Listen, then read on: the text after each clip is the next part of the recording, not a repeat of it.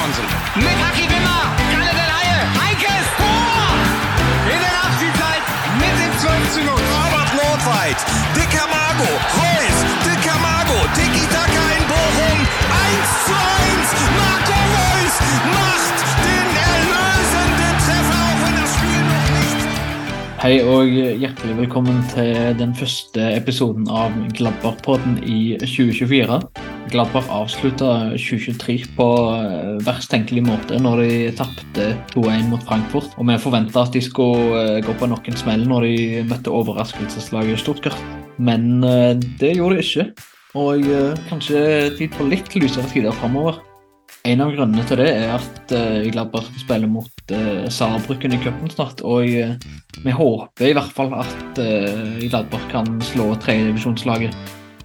Det er overgangsvindu, og uh, vi snakker selvfølgelig om hvilke spillere som muligens er på vei bort, og hvilke som muligens kan komme inn dørene på Borussia Park.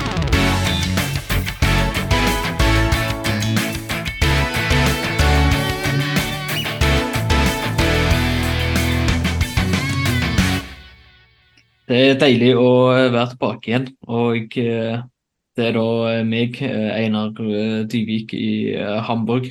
Og så er det da som vanlig Gard Kjeldrup i eh, Bergen. Hjertelig velkommen. Takk, takk. Godt nyttår. Godt nyttår. Det må fortsatt være lov å si. Det er jo første gang vi møtes eh, etter at eh, kalenderen har snudd til 2024.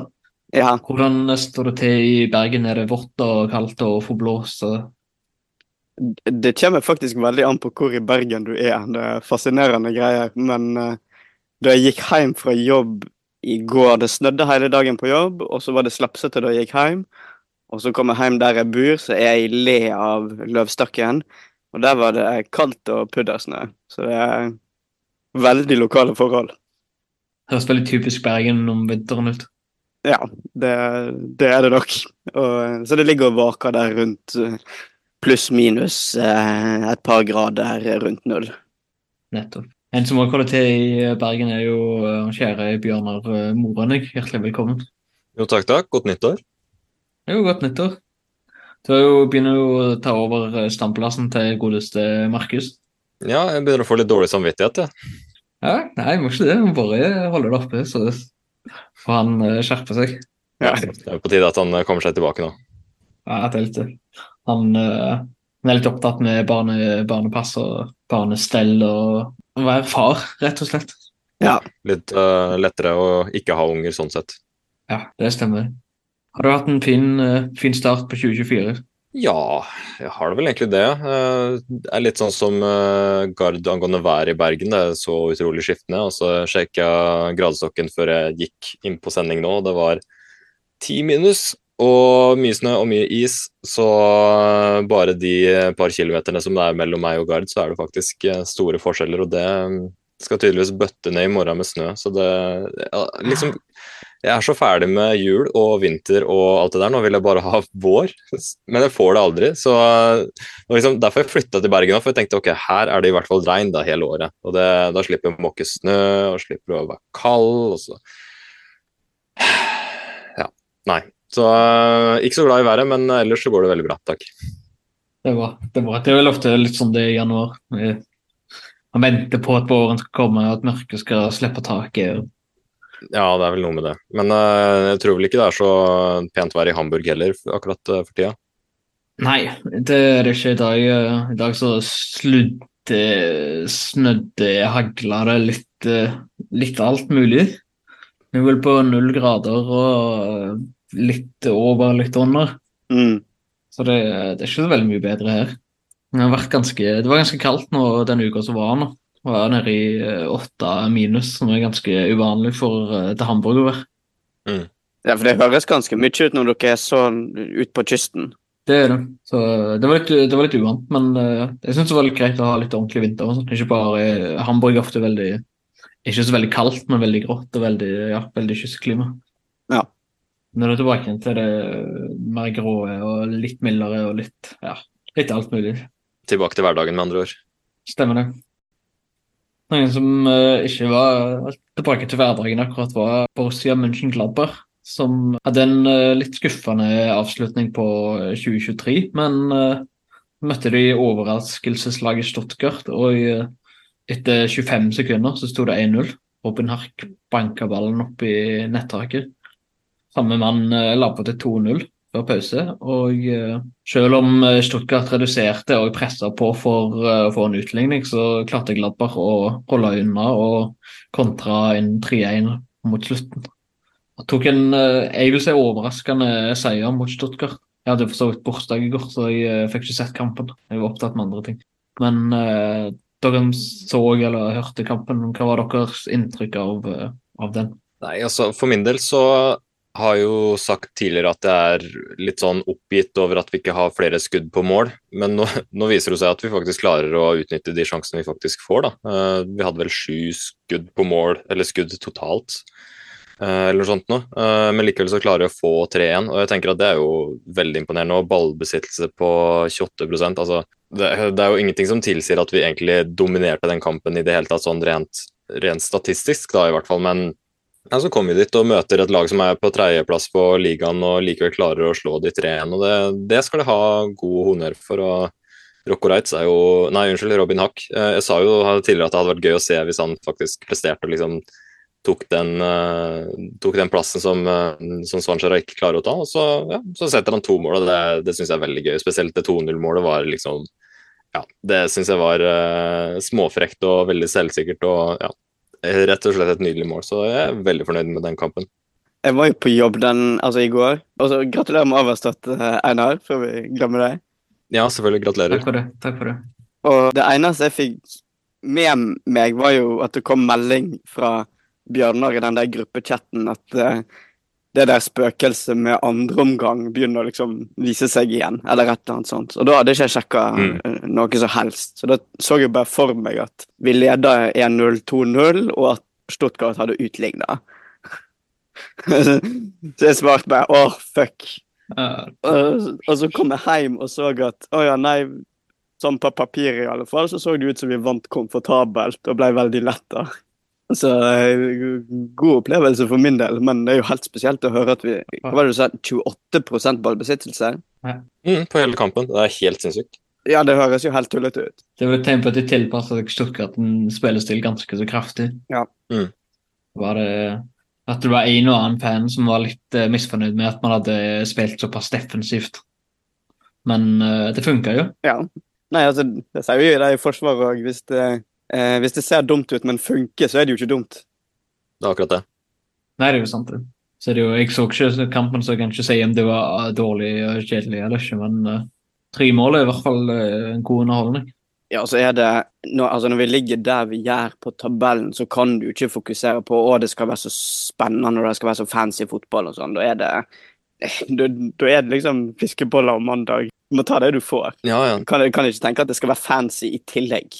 Nei, og spesielt når det er Skoten Stuttgart, da, og vi vet at vi må liksom ha poeng for å komme oss unna den nedrykksfeltet. Altså at vi rett og slett at vi spiller defensivt, er jo veldig forståelig. Um, men han kjører jo en 4-3-3-formasjon for å være litt teknisk, da, og det er, liksom, det er jo en egentlig veldig offensiv, offensiv måte å stille et lag på, men likevel være så defensiv. og ja, nei, altså selvfølgelig de hadde Sotkart Stuttgart hadde mange gode muligheter, for all del, men det var liksom ikke noe særlig tvil egentlig etter hvert som andre omgang begynte å liksom rulle mot 70 mot 80 minutter, at eh, det her gikk faktisk, da. Mm. Men det hadde vært veldig typisk altså å bare slippe inn ett mål, to mål, og så er vi der, eh, sant. Og ja, akkurat sånn som med Bremen-kampen. Så um, nei, jeg er kjempefornøyd eh, at vi faktisk klarte det. Ja, det er jeg òg. Jeg gjør det samme. Jeg, jeg frykter jo at de skulle tape før, eh, før kampen starter. og Stuttgart har jo vært veldig veldig gode denne sesongen. Mm. Og Gladbach har ikke vært så veldig gode, og særlig før jul var de jo veldig svake. Så det var, det var overraskende når jeg eh, kom hjem og så at det var, så at det var blitt 3-1. Ja. Brukt vinteren godt, eller vinterpausen. Ja, det så sånn ut. Ja. Var det jo, eh, spilte jo uten Wøber i forsvarsrekka, som eh, var et rødt kort fra Frankfurt-kampen. Og uh, Itakura, som har vært skada, og som nå er på landslagssamling med Japan for Asiamesterskapet. Mm. Så nå var det Friedrich og Elvedi som eh, spilte stopperpar. Og Friedrich har vi jo vært ganske kritiske til så langt eh, denne sesongen. Han har gjort litt eh, Han har ikke sett så veldig stabil ut når han har spilt, men eh, jeg leste i hvert fall at i går var han ganske solid og ganske stabil og rydda unna og sånn. Stemmer det? Så er det samme inntrykk dere hadde? Ja, altså Det er det inntrykket jeg sitter igjen eh, med også. at det var, um, altså, ja, det er som du sier, Vi var veldig skeptiske til å begynne med, men uh, etter hvert så ble det jo har han vist seg å være en litt bedre forsvarsspiller enn det han har gitt uttrykk for. Da. Han var jo en av kampens beste på vårt lag. Altså, nå hadde vi mange gode spillere på vårt lag, da, men han har jo Foruten nett så var jo han kanskje den beste forsvarsspilleren som vi hadde på den kampen. Så det, det er åpenbart at han har begynt å, begynt å heve seg litt. Og det, det, er veldig fint å se. fordi jeg, jeg var veldig skeptisk til han de par første inntredene han hadde, og det så veldig mørkt ut å liksom ha han som, som backup eller ja, eventuelt en fast, da. Men eh, nei, det ser ut som det har gått, gått seg opp, altså. Ja, absolutt. Det er òg en uh, spiller som jeg tenker at uh, den vårsesongen her blir liksom make it or break it for han. Hvis han skal være Gladbach, så må han virkelig bevise det nå. Hvis, uh, hvis han ikke får det helt til, så blir han sannsynligvis solgt i løpet av sommeren. Ja, mm. det tenker jeg òg. Men uh, hvis vi ser litt, uh, både litt uh, fram og litt tilbake, sånn basert på det dere så mot Stuttgart og det dere så av Gladbach før jul. Hva forventer dere av Gladberg utover våren? Er det litt mer det samme? En seier her, en seier der, og så litt uavgjort og mange innslupne mål, eller er det en sjanse for at det kan bli litt bedre og litt flere trepoengere? Jeg tenker vel at uh, jeg skal få være fornøyd hvis det holder seg i samme bane, egentlig. Og så kan jeg leve fint med ja, si ned til tolvteplass på tabellen. Helst ikke lenger ned enn det. Men um, det, det, er noe med at det er stabilt, på en måte. Så uh, her skal jeg ta med i beregning òg at nå har vi jo for første gang på en stund overlevd cupen over jul. Og nå er det jo ikke så voldsomt mange lag i den cupen som er store og skumle, bortsett fra Bayer Leverkosen, som skal møte Stuttgart. Så en av de ryker jo. Og hvis vi fortsetter samme greia i cupen, så kan jeg da leve med at ligaen går så som så. Så lenge vi selvfølgelig ikke havner i noe sånn nedrykksfaenskap. For eh, det, det, har jo vært en tilfelle tidligere òg der det kunne sett godt ut for cupen, men eh, det, det, ser veldig lovende ut i år. Ja, Vi har vel bedre sjanser nå enn vi har hatt på en god stund. og Med tanke på at vi møter Saarbruken nå, så burde det jo være all mulighet uh, for å nå opp. altså Hvis vi vinner den, uh, så blir det jo enten Herta eller uh, Kaiserslautern. Og sånn rent Førsteinntrykket er jo ikke at det er, det er liksom ikke den verste motstanden du kan møte i en semifinale. på en måte, sånn at uh, Jeg er jo optimistisk på at pokalen skal gå bra. Så det er kanskje min øverste forventning, at vi faktisk gjør det bra der. Når sesongen ellers blir liksom Ja, det blir ikke Europaliga, og det blir sannsynligvis forhåpentligvis ikke nedrykk heller. Så jeg har nok mer forhåpninger til pokalen, ja. Um, mm. Utover det, så hvis vi på en måte skal hevde oss i ligaen, så må vi ha tilbake et par spillere fra skade, først og fremst.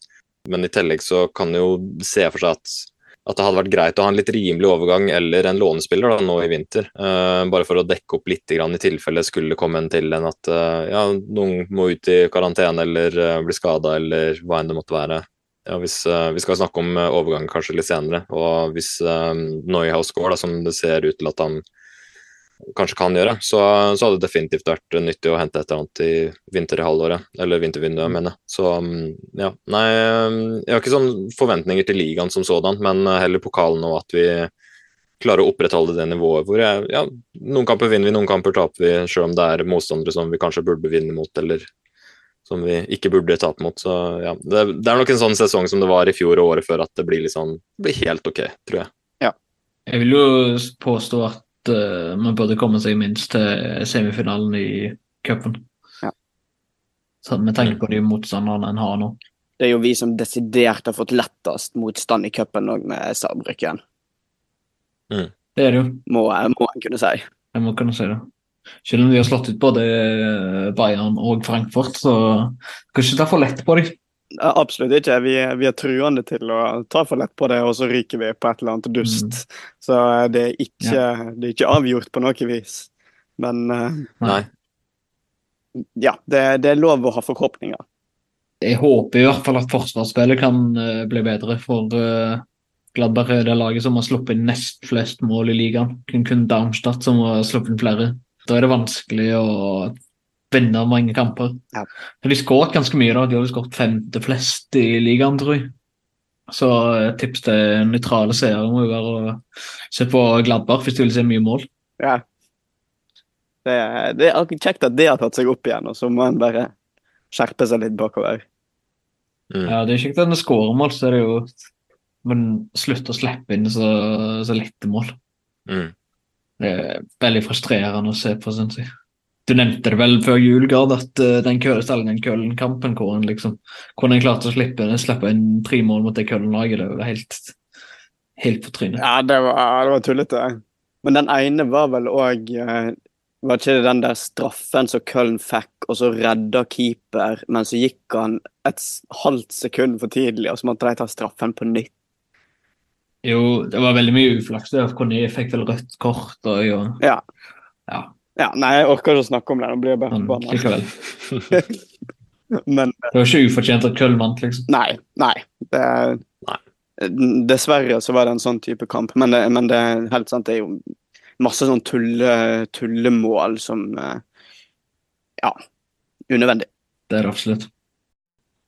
Men du nevnte overganger så vidt i stad, eh, Bjørnar. Og det har vært litt rykter om eh, godeste Florian Neuhaus som eh, har slitt litt med å spille seg inn på laget. og ikke, ikke helt uh, tatt vare på den tilliten som han har fått. For han ble jo, han ble utnevnt til liksom tredje visekaptein, eller andre visekaptein. Mm. Mm. Men eh, har liksom ikke funka helt, og bare glimtvis uh, vist hva han uh, egentlig kan. Så spørsmålet om det kanskje på tide for han å finne seg en ny klubb og få en litt, uh, litt andre omgivelser og en ny start. og sånn.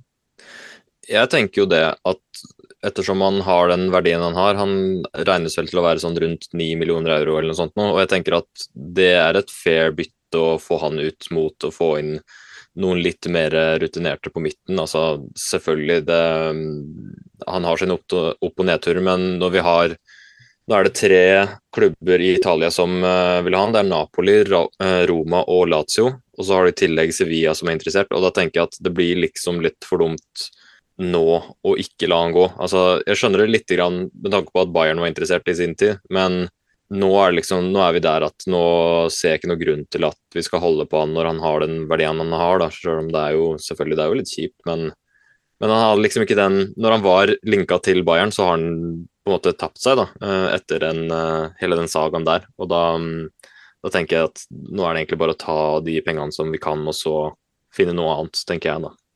Mm. Han har jo veldig god den eh, sånn 2019-2021. Da var han jo på høyden av eh, karrieren sin, så har, han, så har det dalt litt siden det. Har ikke fått så Mm. mye tillit og ikke helt passet inn i spillestil og sånn. Og så trodde jeg, jeg egentlig trodde han skulle ta seg litt opp igjen nå under Seoane, men uh, han er en av de få spillerne som ikke har uh, klart å bite seg fast i laget.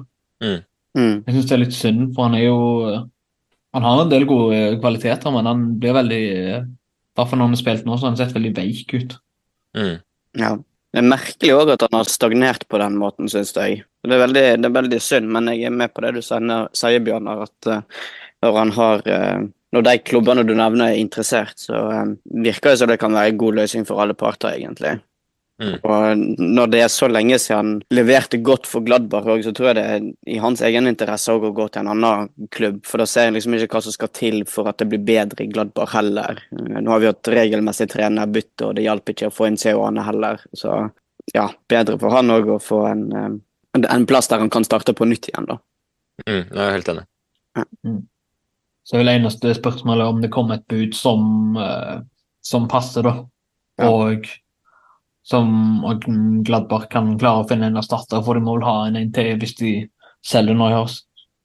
Ja, jeg husker ikke hvor lang eh, kontrakten til Neuhaus er nå, men eh, jeg vet at det er Lazio som er sist på ballen og vil eh, kjøpe. Sånn at det er en aktiv interesse, slik jeg forstår det. Men, men det er som du sier, hvor, hvor mye er man villig til å gi det fra seg? Og jeg tenker jo at vintervinduet, hvis man skal gi fra seg noen som har kontrakt på ja, si et år til, da, eller to, eller hva det måtte være, så, så tenker jeg at det, da må man jo se for seg at de må bla opp litt for å få noe. Ja, For selv om han er, ikke spiller så bra for oss, så er han jo ikke verdiløs, på en måte. Så, så det er jo mer det at eh, andre har skader, eller at de trenger eh, noen erstattere fordi andre har gått i vintervinduet, og de må liksom ha inn noe av kvalitet. Da. At, um, at, vi kan se vårt snitt til å tjene litt godt på det. Så om ni millioner er en, er en fair sum, det, det, vil tida vise. Men jeg, jeg syns det høres riktig ut å få noe rundt der for det.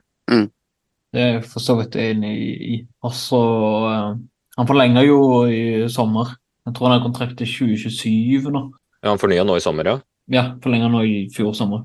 Så det er et par år igjen. Ja, ikke sant. Ja. Det var, ja. Så det var jo en del som liksom bidro, bidro til at man trodde at nå skulle han kanskje spille seg inn til fast, fast, plass på laget, da. men så har ikke det skjedd.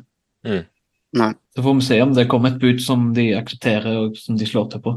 Ja. Er det da større sannsynlighet for at de gjør det nå til sommeren istedenfor nå i vinter, i og med at han nettopp forlenger? Jeg tror det kommer helt an på budet og uh, eventuelle erstatter. Ja. Ja, for vi selger vel ikke hvis vi ikke kan finne en erstatter i samme omgang. Tvilsomt. Ja, det tror jeg er litt tvilsomt, ja. Da må det liksom være noen som er ganske gode, som er tilgjengelige nå. Og det eneste jeg har sett som vi har vært og snusa på, det er um, Ao Tanaka i uh, Düsseldorf. Men det er, jo, det er, jo, liksom ikke en sånn ren erstatter for Neuhaus, da, hvis du skal se på um, pris for pris. Han uh, er vel spekulert til sånn rundt 3,5 millioner euro. Det hadde vært veldig typisk av oss å kjøpe en mye billigere spiller enn vi selger for. Det, vi er jo blitt en sånn klubb uh, plutselig. Men, uh, men, det spørs vel om det på en måte er en reell erstatter, hvis vi skal se på kvalitet alene. Men uh, det er jo også et navn som, ja, som har blitt spilt ut, da. Ja. Mm. Da blir det jo liksom, Nå har det jo for så vidt fordelen var vel at før sesongen så hadde de vel ikke regnet med at Rocco Reit skulle bli så god som han har blitt. da. Ja, sant. Så han har på en måte Du har fått en spiller som har tatt en fast plass på laget, kanskje egentlig var tiltenkt uh, Florian Neuhaus. Mm. Men uh, så er det jo uh, de to, og så er det Weigel og uh, Kone pluss Kramer som pleier å komme inn av og til. Og så har du egentlig ingen andre sentrale midtbanespillere. Nei. Det er vel egentlig der det er tynnest, ja. Da blir han plutselig veldig, veldig sårbar uten å få inn en Eh, direkte erstatter på samme plass, i alle fall. Det, ja. Mm. Gladbach gikk vel òg ut og sa at de ikke, et lån er ikke aktuelt. Det ble enten å selge noe eller at han blir værende. Ja. ja. Han er vel såpass oppe i året at det blir litt sånn rart med lån. Jeg ser jo for meg at uh, når, du, når du bikker 25-26 ish, så blir det rart å gå på lån. Det er ofte det en eller annen låne I dag så er det ofte sånn at låneavtaler blir liksom gjort permanente og sånn seinere. Ja. Det er mye, mye sånne ting, da. Men mm. uh, nå vil de vel ha liksom enten penger inn med en gang, eller, eller beholde den. Ja. Så er det jo en spiller som har forlatt klubben, godeste Hannes Wolff, som uh, vi har uh, gjort en del narr av i, i podkasten her av og til. For å være, for å være en, en av klubbens svakeste spillere. Og det var vel sikkert greit for alle parter at kontrakten hans ble uh, løst opp, og at han gikk til New York City. Ja, nå ble nesten litt satt ut. Det var litt av en overgang. Er ikke det USA folk drar til når de egentlig er ferdig med karrieren og bare skal holdt på å si, Folk drar dit for å dø. Det var, det var veldig dramatisk. Men eh, ja, det var litt av en overgang. Ja, ja det var litt uh, på en måte litt overraskende, men uh, ja. Ikke overraskende i seg selv at han gikk, da, men at han uh, kanskje at han dro til USA. Men eh, ikke, han, han har ikke levert noe som har gjort at noen vil bla opp noe særlig penger for han i eh, Europa, egentlig. Måtte være hvis de fikk eh, billig og på lav lønn, liksom. Ja. Ja, jeg, fant, altså jeg hadde jo litt tro på han til å begynne med, men uh, det er som Gard har vært inne på gjentatte ganger i løpet av den podkasten her, at uh, ja, Han har kanskje ikke passa helt inn i eh, laget. og um, Jeg har liksom aldri sett for meg at han kan bli en del av verken noe fast lag eller noe backup-lag. og jeg tenker sånn, Han er en sånn typisk innbytter på tidlig tidlig stadie i pokalen når du møter sånn uh, regionalligalag. liksom, At uh, det er da vi skal sette han inn på, liksom. Men ja, nei, så Det høres ut som en fornuftig handling, egentlig. Ja. Ja. Jeg får litt vondt av han òg, fordi at jeg har, jeg har syntes en del synd i han. For jeg har jo tenkt at det her er jo egentlig Marco Rose sin feil.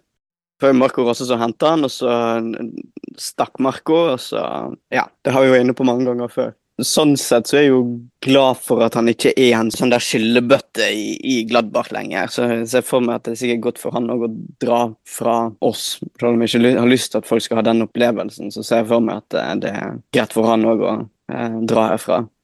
Mm. Og så er det, kommer jeg til å savne litt at Markus bare slenger ut Hannes Wolff. For jeg har hatt noen episoder der, der jeg ja, ligger og dør i bakgrunnen, for jeg ler sånn. Det har ikke kommet med, for vi har klippet det ut, men uh, Ja. Det er jo gøy med en sånn innsidehumor. Ja. må har litt sånn òg. Det er jo godt ment. Men eh, jeg, er- jeg er glad på Hannes Wolff sine personlige vegne, for jeg tror det er en kjekkere for han å få være en annen plass. Han er vel midt i 20-årene òg, liksom. Så han er ikke, det er jo ikke sånn at han er på hell og karrieren heller, liksom. Nei, sant. Det har stagnert veldig foran å komme til eh, Gladbach, egentlig. Mm. Og igjen, det er Marco Rosse sin feil. Det var ganske dyr når de henta ham. Han kosta vel 9,5 millioner, tror jeg. Det var litt rart, for han var jo i utgangspunktet på lån, og så hadde de en eller annen klausul at hvis han spilte så og så mange kamper, så måtte de hente han permanent. Og så spilte han så mange kamper, og da hentet de en permanent, og så har han ikke levert uh, i det hele tatt, siden det slitt med skader litt og og ja, egentlig aldri, aldri fått det til. Endte vel med fem mål for klubben. Ja. Det er jo nettopp derfor det er Marcos sin feil, fordi at han har liksom Jeg tror vi var inne på det også, at det er veldig sånn kynisk å liksom legge opp til at eh, ok, nå må vi kjøpe han, og så er det bare stang ut for alle sammen, egentlig. Ja. ja. Han kom vel også fra Salzburg, som også Rose kom fra, mener jeg husker. Eh, jo, stemmer nok det. Eller annet han var innom Leipzig, men i hvert fall Det var i hvert fall Red Bull-systemet. Ja. Og så var vel tanken at han skulle eh, sånn, Med Marco Rose i alle fall, så kom han til å passe inn, men eh, når Rose da stakk, så eh, så, så det veldig annerledes ut. mm. Jeg husker han eh, en, Kanskje eneste høydepunktet var vel når han senka Leipzig i må ha vært 2020, tror jeg. Ja. Første, eh, første Gladbach-seier mot eh, Leipzig. Ja, det var gøy. Det var veldig gøy. Det unner jeg han. Er det noen andre spillere vi må nevne på overgangsfronten? Og det som var så fascinerende, vi prøvde jo å lete før eh, vi skulle spille inn, og så var det overraskende lite å finne. Det har ikke vært så veldig mye rykter og sånn. Nei, Nei, jeg nevnte så vidt eh, Tanaka fra Düsseldorf på vei inn eventuelt, da. Men eh, det er noe som er veldig i løs lufta. Han, eh, han avbrøt uh, Asia Cup, visstnok. Så at, eh, jeg vet at det er vi og Stuttgart som har vært interessert i han, så det kan jo hende det er noe som er og ulmer nå. Men, eh, men han har jo en og en halv ett og et halvt år igjen på kontrakta si, sånn eh, det blir jo i så fall ikke noe sånn billig overgang hvis det blir noe i det hele tatt. Uh, så ja, men det er liksom ikke noe, det er ikke noe håndfast der heller. og ja, Vi har jo et par ute på lån som kommer tilbake, men det er ikke før sommeren igjen. Så akkurat vinterhall, altså vintervinduet så tror jeg ikke det er noe spesielt um, akkurat nå, tror jeg. Nei. Jeg er bare også usikker på om vi har nevnt i podden enda med Ivandro Borges, som vi har forlenga med, og samtidig sendt på lån til Nederland. Nettopp. Til Nijmegen. Ja, for han har ikke fått så veldig mye spilletid. Nei. Nei, han spilte første kampen i går, eh, altså søndag, mot uh, Feinor, hvor han ble bytta inn og fikk spille tolv minutter, så han har ikke fått vist seg fram i det hele tatt. Han gikk vel 10. januar eller noe sånt, så han, jo, må, han må jo få litt tid, da, i hvert fall. Men, eh, men ja, det er jo typisk at eh, han blir sånn innbytter, eh, eh, innbytter der. Men vi har jo også en annen ung gutt i nederlandsk serie, Oskar Fraulo, som er uh, sentral midtbanespiller i Utrecht. Og han har jo faktisk uh, skåret et mål, nei unnskyld, skåret to mål og én assist på 15 kamper. Blant annet avgjørende seiersmål mot uh, Ajax i en 4-3-seier. Så det er jo også Det kunne også vært gøy å hente hjem uh, han og se om han kan bli en uh, ny Rocco Reitz eller uh, en ny Neuhaus, eller ja, nå drømmer vi høyt, altså. Men uh, ja, det hadde vært gøy. Det hadde det også. Og det var jo Nederland vi sendte Rocco Reitz til òg, og så kom han hjem igjen, og så bare passer alt. Der ser Det var vel i Belgia, tror jeg. Ja, eh, Belgia. Ja, beklager. Belgia, Eh, ja. Det er nesten det, er nesten det samme. Ja. Men det var vel, det var vel Flandern og ikke Velonia. Jeg tror det. Uansett, det er rett over grensa, i alle fall fra München-Kamper. Har det vært, eh, kan nevne så vidt at det har vært eh, snakk om en som heter Vince Liboli, som eh, spiller på U23-laget til Gladbar, som har vært linka veldig sterkt til Juventus. Stortalent som Juventus lukter på, da. Yes. Spennende. Nei, ikke på U23, på U19-laget, faktisk. Han er bare 17 år. Oi. Det er Vi får se hva som skjer med han. Ja, det er tidlig å dra til et annet land. Det er det, men eh, når de er så gode, så får de ofte mye oppmerksomhet på seg. Mm. Ja, det er rått med det. Se om ikke han kan eh, eventuelt være en, eh, en mulig spisskandidat i Gladbach hvis Schwancher og Jordan fortsetter å være skada og ikke skårer så mye mål. Mm. Nå skåret jo Jordan mot Stuttgart. Mm. Det var jo kjekt. Ja, Ikke det mest imponerende målet, men ja, det er jo et mål er mål. Det er det absolutt. absolutt. Det er, jeg kan sette pris på de som blir krangler inn òg. Det er gøy. Jeg har jo syntes at han har vært uh, litt mer eh, sett litt mer lovende ut enn uh, Schwanzer når han har spilt. Mm. Men uh, vi får se. Spennende. Og uh, første gang vi får se det, er jo hjemme mot Augsburg neste helg. Er det, kan Gladbach fortsette seiersrekka der? Jeg har skrevet opp at vi vinner den på den der eh, tippeserien vår. Så vet jeg at eh, Augsburg eh, er òg et sånt lag som vi kan eh, ryke mot. Jeg vet De har vel hatt en del seire mot oss innimellom, men når det gikk så greit mot Stuttgart òg, og det er hjemme, så holder jeg en knapp på at vi, vi tar den, i alle fall. Ja.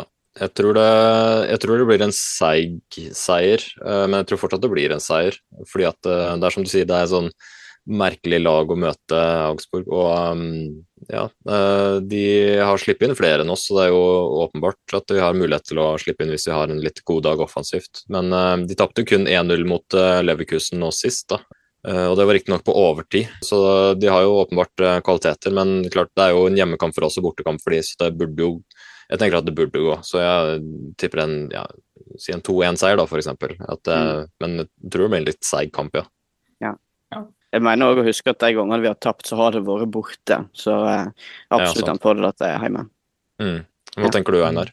Jeg er egentlig enig med dere. Selv om Augsburg er veldig, veldig tøff nødt til å knekke, da. Men uh, hvert fall hvis en ser på eh, sånn som historien har vært, så har Gladbach slitt veldig borte mot uh, Augsburg. Jeg tror de har vunnet én gang etter at de rykka opp. Og så har de vel nesten alltid slått hjemme, med et par unntak. Så eh, nei, jeg føler òg at det blir en kanskje 2-1-seier. Ja. Mm. Særlig mm, at det er hjemmefordelen som avgjør. Så er det òg at det er seigt at det er klokka halv seks på en søndag, men eh, det, det var det vel nå i helga som var òg. Stemmer det. Kanskje det er et godt tegn. Kanskje det er nye, nye favorittidspunktet til Gladbar. Det, det er det motsatte av eh, Freiburg på en fredag. Ja, ikke sant. Neste kamp er jo da litt vanskeligere.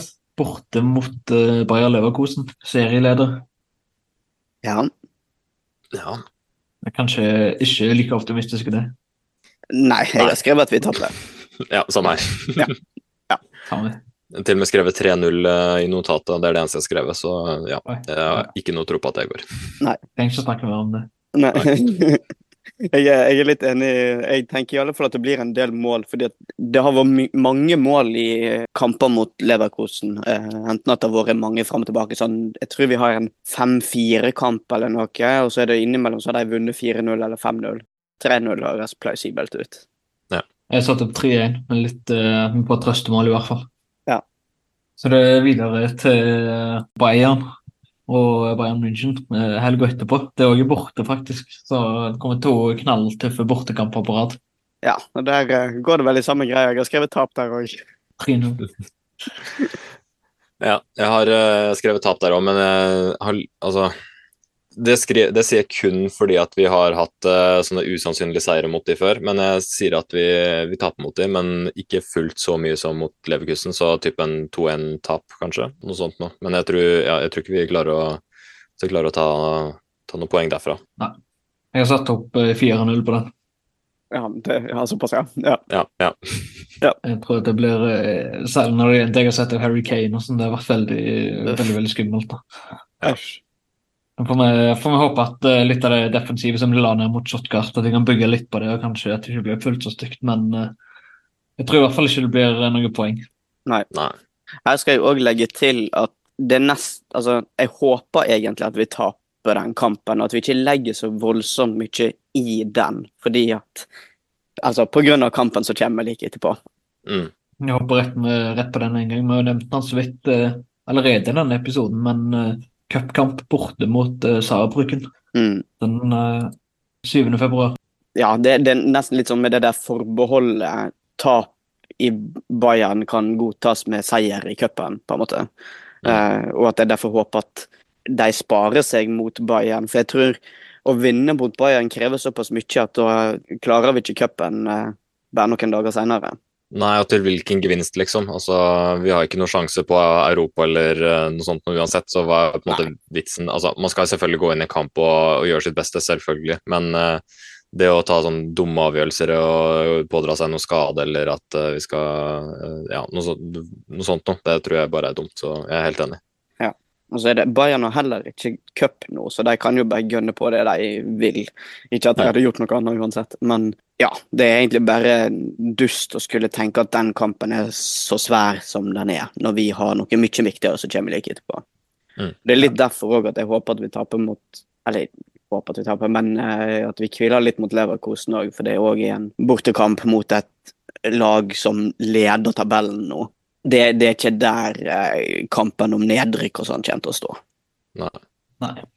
Jeg håper for så vidt òg at en uh, kanskje sparer en spiller eller to mot Bayern, for heller å la dem spille mot uh, Saarbrücken. At en eh, Mm. prioriterer cupen, fordi det har en faktisk mulighet denne sesongen til å nå langt og kanskje vinne av cupen på første gang siden 1995. Ja. Det er noen spesielle spillere du tenker på, Einar? Kanskje Rocco Wright. Mm. Mm. eh, Når det jo, når det jo nettopp er vinterpause, da. Men eh, særlig før vinterpausen så er han kanskje litt sliten ut. Og han har ofte blitt, eh, vært en spiller som blir bytta ut før fulltid fordi han eh, springer så mye og sliter seg ut og sånn. Ja. Kanskje Player har jo vært veldig god, så eh, hvis det er mulighet til å spare han Og så er det jo, um, i og med at et lag ser nedover divisjonene, så er det jo ikke utenkelig at det her blir en uh, ekstra omganger og um, straffesparkkamp. Så er det desto viktigere at folk er uthvilt. Absolutt. Det kan skje. Selv om jeg syns at eh, Gladbach i, i hvert fall i teorien burde slå uh, Saarbrücken etter fulltid. Ja, altså, de, definitivt. Men vi har hatt det flere ganger at eh, lag nedover i divisjonene bare parkerer bussen eller et eller annet, og så eh, forsvarer seg fram til straffespark. Mm. Mm. Det her er jo et av mine eh, mer smertefulle opplevelser, var jo da Arminia Bielefeld gjorde akkurat det i 2015. var sur. Ja, og Saarbrücken slo jo eh, Frankfurt for å komme til å møte oss, sant. Så eh, det er ikke sånn at uh, tabellplass eller liksom ligaplassering er liksom det store som har noe å si. Altså cup er alltid vanskelig å forutsi, egentlig. Fordi det, det kan skje så mye rart. Og spesielt når det er bortebane i tillegg, og du har hjemmefansen som er så på. Så ja. Jeg, jeg tror det blir tøft, altså. Jeg tror det, Man skal ikke kimse av det, tror jeg. Men jeg, jeg er litt sånn som Einar uh, påpeker, at uh, vi burde kunne ta denne her, altså. Ja. Jeg kommer til å være betydelig mer negativ i podkasten herfra hvis det går dårlig i cupen. Det er optimismen min nå skyldes cupen, rett og slett. Ja, Og ryker det, så ser det litt annerledes ut. Bra. Har dere sett noen tips på det? Vi får starte mitt uh, veldig konservative tips, uh, som er at vi vinner uh, 1-0, men på fulltid. Ikke noe ekstraomganger, ikke noe straffespark. Um, ja, jeg tror det. Oh, 2-1 um, med ekstraomganger. Oi. Jeg har landet på 2-0 til slutt. At uh, Gladbach tar en ledelse, og så kontrer de den eh, 2-0. Men eh, jeg er veldig usikker. Jeg har tenkt at det kan bli liksom Det kan fort gå til ekstraomganger og straffespark og bli sli ordentlig slitekamp. Ja. Mm. Det var jo det òg vi akkurat unngikk i forrige cupkamp òg. Var ikke det akkurat i minutt 90 eller noe? Nei, det var 120. Ja, ok, ja, det var helt på sampen av, av ekstra. Ja, stemmer Ja. det. Ja, Ja. når vi skårte, når Kone skårte, ja. Ja. Mm. Herregud, det var flaks. Jeg vet ikke om jeg hadde orka Ja, det var gøy. straffespark. Ja, jeg holdt på å vekke samboeren, altså. Det, det var helt crazy. Ikke bra. Samme, samme. ja. Det var en så kjedelig kamp, liksom. Så sprang Neuhaus opp og la inn til Corné, og så stang han inn 1-0. Ja, det var veldig gøy. Ja, det var, da var jeg da. Kan vi ta med at uh, Gladbach har spilt uh, ti kamper mot uh, Saarbrücken før. har vunnet syv av dem, og uh, Saarbrücken har vunnet én. Og at den eh, siste gangen de møttes, det var i andre Bundesliga i 2000-2001-sesongen. Så Oi. det begynner å bli en stund siden. Ja. Ja. Har ikke møttes eh, all verden. Jeg prøvde å lete litt etter eller komme på spillere som har spilt for begge lag, men jeg, eh, klarte ikke å finne noen sånn i farten. Nei. Jeg kan jo tenke meg at det er noen som har vært liksom, i akademiet til Gladbach, vært litt lovende, som kanskje ikke har slått helt gjennom, så har de fått en eh, fin karriere på uh, tredje nivå eller i regionalliga. Mm. Men uh, hvis, dere, hvis dere eller lytterne har lyst på en oppgave fram til cupkampen, så kan de lete etter spillere som har spilt for både Gladberg og Saarbrücken. Kan jeg legge til en skikkelig dårlig fun fact? Uff, ja. Kom igjen. Vi er Ok. glad i dårlig for meg. Ja, bra, for det, den her er skikkelig dårlig. Eh, Jonas Kersken, som er eh, vår målvakt eh, som vi har leid ut til Armania Bielefeld, han har jo spilt nå i 20 kamper. Eh, han har sluppet inn 31 mål, og den kampen som de har sluppet inn mest på, for han har stått i mål, det er mot Sarbruken. Hvor han da har sluppet inn seks mål. Au. Det er. Det er, litt, det er, litt, det er en gøy fun fact. Ja. Det er, Det er litt trist fun fact, men det er altså, eneste linken jeg klarte å finne på, på Saarbrücken og Gladbach nå. ja. Det går jo ikke utover oss, eh, i alle fall ikke per nå. Så eh, Nei, kanskje stoltheten eventuelt. da er det mest fun fact, og ikke trist fact. Ja, akkurat det. Vi kan ta med på tampen at godeste Stefan Leiner er tilbake etter å ha vært eh, operert for eh, lymfekreft. Så han eh, spilte jo mot eh, Go Ahead Eagles i denne treningskampen. og Trenger vel litt tid før han er klar for full innsats i serien igjen, men eh, det var kjekt å se han tilbake igjen. Ja, definitivt. Absolutt. Han har jo også kontrakt som går ut eh, nå til sommeren, så det blir jo litt interessant å se hva som skjer der. Men uh, hva tror dere? Blir han litt grann til altså, fordi han har vært syk, eller hva tenker dere? Jeg håper jo på en måte at klubben er solidarisk der og tilbyr i hvert fall ett år til, sånn at han kan komme seg ordentlig til hektene igjen før det liksom er eh, Prestere for å komme seg videre, da. Ja, solidarisk, egentlig. Litt inspirert av da eh, Kalle Torp fikk den hjertestansen. Da vet jeg at han sa at da fikk han kontrakt videre med Brann, og at de fant en annen rolle til han i klubben, og sånn, bare sånn at han skulle ikke stå på bar bakke helt alene. Mm. Ja. Det håper jeg at eh, Gladbach kan gjøre. Det er ikke det vanskelig å si, altså. Det, det kommer nok an på litt hvordan han presterer og sånn da utover, men uh, hvis han uh, spiller seg litt inn på laget og sånn, eller kan ikke, skal ikke se vekk fra at han at de forlenger med en sesong eller to til. Ja. Mm. Yes. Men uh, takk, for, eh, takk for denne gang. Takk til deg, Karl. Sjøl takk. Takk til deg, Bjørnar. Jo, sjøl takk. Takk til deg som hører på, og eh, på gjenhør. Ha det bra. Tjus. Allan Simonsen.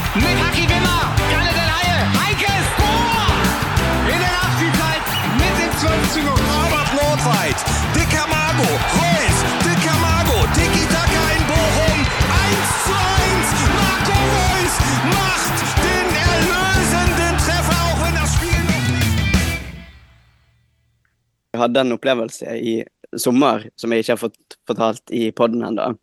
Mm. Den ene var jo han om bord i det ene skipet som heter Allan Simonsen, som er oppkalt etter Allan Simonsen. Og en annen, det var at jeg sjekka inn ei dame, og hun hadde utenlandsk pass, men hun snakka norsk. Og det var penere østlandsk, så det var eh, morsmål. Og så hadde hun et navn, eh, et etternavn som var det samme som en av spillerne våre. Og så spurte jeg er det her et vanlig navn i landet du kommer fra. Hun sa ja, det, det er vanlig i det området hun kom fra, i alle fall. Og så spurte jeg kjenner du en fotballspiller. Ja. Hun sa navnet til spilleren, så ja, han kjenner jeg veldig godt. Og jeg kjenner familien hans veldig godt. De er veldig fine folk. Og spilleren det er snakk om, har til og med ei bestemor fra Norge. Og så sa jeg jo at ja, han spiller i klubben eh, jeg holder med, og da skulle hun eh, helse. Det er kult. Ja, men det her får vår podkast sin sånn eh, eh, Helene Husvik-øyeblikk, for de som tar denne referansen fra Heia Fotball, om at det finnes en Bayern-spiller som har data en norsk dame. Mm. For eh, jeg har taushetsplikt, så jeg kan dessverre ikke si hvem det er. Ja, Finner du ikke hva som er norsk bestemor, da. Ja, Nei, kult, da. Men kanskje på et tidspunkt når det er en stund siden, så kommer det fram. Må google litt.